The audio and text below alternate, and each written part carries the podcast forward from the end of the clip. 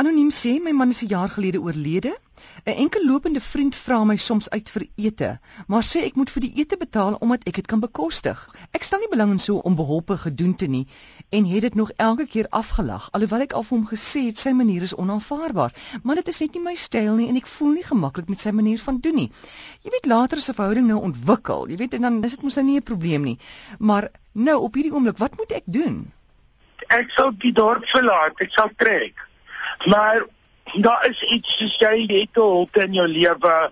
Dit moet 'n verskriklike ding wees as iemand in jou lewe sterf. Maar iemand wat jy uitvra moet betaal. Dit is hoe dit werk tensy iemand sê jy gaan nou vanaand eet, ek gaan eet, ons kom en doen dit saam. Elkeen betaal, kyk na homself.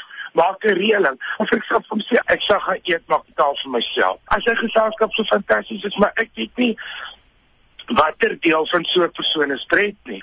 Of sê net vir hom ek gaan deur 'n moeilike tyd, ek wil nie op die oomblik nie. Daar's honderde maniere om van so 'n persoon ontslae te raak. Sy sê hier, ek dink miskien dink hy ek is desperaat of ons seentjies van dieselfde dammetjie raak van hom ontslae.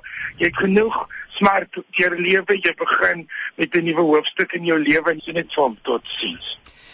Platsak vriendin wil weet, kan Nathaniel nie iets sê oor bywoningsinflasie vir trougangers nie?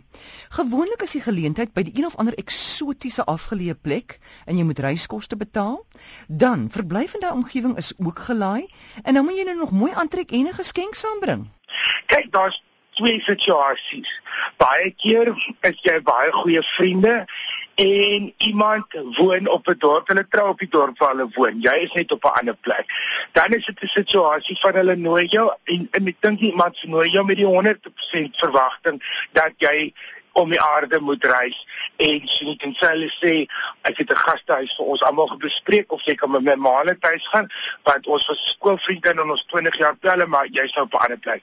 Dan is dit 'n situasie wat jy doen oor wat jy bekostig en hoe lief jy is jy vir jou vriendin of die een wat trou. Dit is 'n onvermydelike situasie want julle woon op verskillende plekke. Wat my onbeskryflik simpel is, is wanneer iemand in 'n dorp woon en al hulle vriende. En hulle besluit om een of ander belaglikheid hulle gaan op 'n eiland trou of nou in 'n ander provinsie dan is dit 100% hulle besluit en ook hulle onkoste. Jy vlieg jou gaste en jy sit hulle op want jy het die keuse gemaak tussen 'n geleentheid waar dit vir hulle niks kos nie. Wil vlou huwelike hou nou? Nou moet ek duisende rande betaal terwyl ek vir hulle 2 jaar al klaar gee en as dit oor. So dit dis absoluut te twak. Dis iemand se fantasie. As jy fantasie het, is dit joune, nie jou gaste se nie. Wanneer jy, jy met ander woorde trap te plek waar niemand van jou is nie. Jy is nou net oorig of droom nou al van 'n meisietjie af dat jy die kerk in 'n kanoe wil binnekom, dan moet jy ongelukkig iemand se kostes dra. Dit is dieselfde beginsel. Ons het al daaroor gepraat om te verwag dat strooi meisies self betaal vir hulle lekker rok wat jy gekies het. Hulle daarmee niks te doen nie. Hmm. Dis jou dag, jy wil dit so hê, jy dra die onkoste. Die gaste kan vir hulle 'n mooi rok koop en 'n geskenkie koop. Maar ek sal nie eens dit oorweeg om so dan by te woon nie. As jy wil hê ek moet travel, dan betaal jy.